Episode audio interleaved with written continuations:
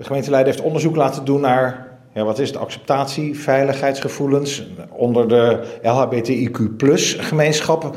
Uh, wat is daar uitgekomen? Nou, daar is uitgekomen dat een groot deel van uh, de groep van de gemeenschap zich een stuk veiliger voelt dan uh, een aantal jaren geleden. Dus daar zien we echt wel positieve ontwikkelingen. Maar dat geldt voor niet iedereen. we zien dat bepaalde uh, groepen uit de LHBTIQ-gemeenschap, dat die wel degelijk echt last hebben van, van discriminatie. En dan gaat het met name over transpersonen, waarbij natuurlijk uiterlijk ook gewoon wel vaker te zien is dat iemand een transman of een transvrouw is, uh, die merken echt wel dat er nog niet zo heel veel acceptatie is. En dat geldt ook voor mensen die wat meer genderfluide zijn. Waar je dus lastiger kunt zien van is het een man, is het een vrouw of nou, he, wat dan ook. Die ervaren echt nog wel uh, uh, problemen in de acceptatie. Uh, we zien ook dat jongeren het niet altijd even makkelijk vinden uh, om zeg maar toch uh, te vertellen dat ze anders zijn. Ook aan hun ouders vinden ze dat soms best wel heel erg lastig. Dus ja, we hebben echt nog wel stappen te zetten. We hebben goede stappen gezet, maar we moeten nog wel meer doen. Ja, want volgens mij maakt u ook een beetje een knip in die lange afkorting. Hè? LHB, dat gaat relatief goed.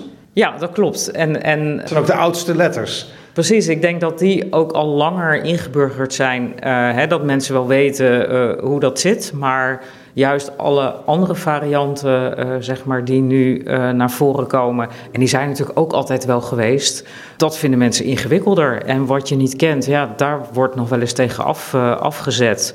dus dat betekent dat we echt nog aan de slag moeten. Komende vrijdag ga ik uh, weer het regenboogakkoord ondertekenen met uh, een heleboel steden in Nederland en de minister om ons echt hard te maken voor acceptatie van iedereen. Hè, wie je ook bent, hoe je er ook uitziet, van wie je houdt. Uh, dat vinden we belangrijk. En we gaan met de gemeenschap zelf in gesprek op welke manier we dat moeten doen. En wij denken dat een deel van de sleutel ligt in toch ook met bedrijven uh, samenwerken en met allerlei organisaties, met uh, scholen natuurlijk, de voorlichting op scholen, met elkaar in gesprek gaan. En het is belangrijk om ook, zoals we dat noemen, straight alliances te vormen. Dus de mensen die niet tot de gemeenschap behoren, maar wel een rol kunnen spelen, juist in de overbrugging van de acceptatie. Dit, dit leidt tot uh, allerlei acties, neem ik aan. Dat gaat de gemeente vast niet allemaal zelf doen.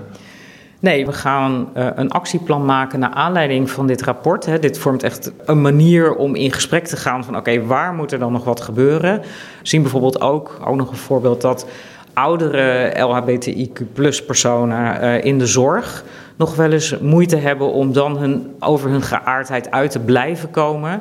Ja, en dat is natuurlijk echt niet goed. Als je uh, je hele leven, zo te zeggen, uit de kast bent, dat je dan als je oud bent en verzorging nodig hebt, daar eigenlijk niet meer voor uit kan komen. Nou, ik vind dat dat niet moet kunnen. Dus we gaan ook met de zorginstellingen in gesprek om te kijken hoe we voorlichting kunnen geven, hoe we ze kunnen helpen om daar open het gesprek over te voeren. Nou, zei u, ehm, in zijn algemeenheid uh, blijkt uit het onderzoek dat het beter gaat.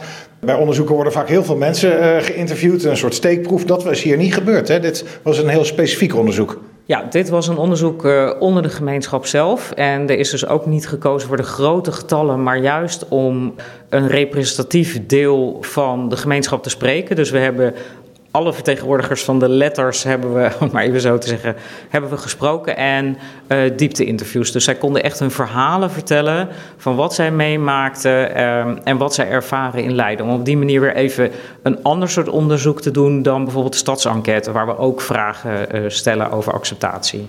Nou, uh, is die doelgroep uh, zo breed dat uh, in ieder geval niet iedereen hetzelfde over allerlei thema's denkt. Ik denk dat we dat in Leiden tijdens de Gay Pride begin deze maand ook goed hebben kunnen zien. Met ook demonstraties en confrontaties met de politie. zijn dat soort mensen ook meegenomen in dit onderzoek? Die er zo naar kijken? Die...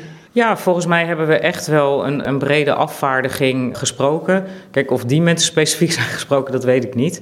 Uh, maar daar, daar komen gewoon hele, hele gevarieerde verhalen uit. Maar dat er een tegengeluid is, dat weten we ook. Hè? En, en dat mag er ook gewoon zijn. Dus dat die verschillen er zijn, is ook gewoon helder. Maar dat, dat ging eigenlijk heel specifiek tegen de Pride. En dat wil nog niet zeggen dat de acceptatie van deze personen wezenlijk anders is van de personen die voor de Pride zijn.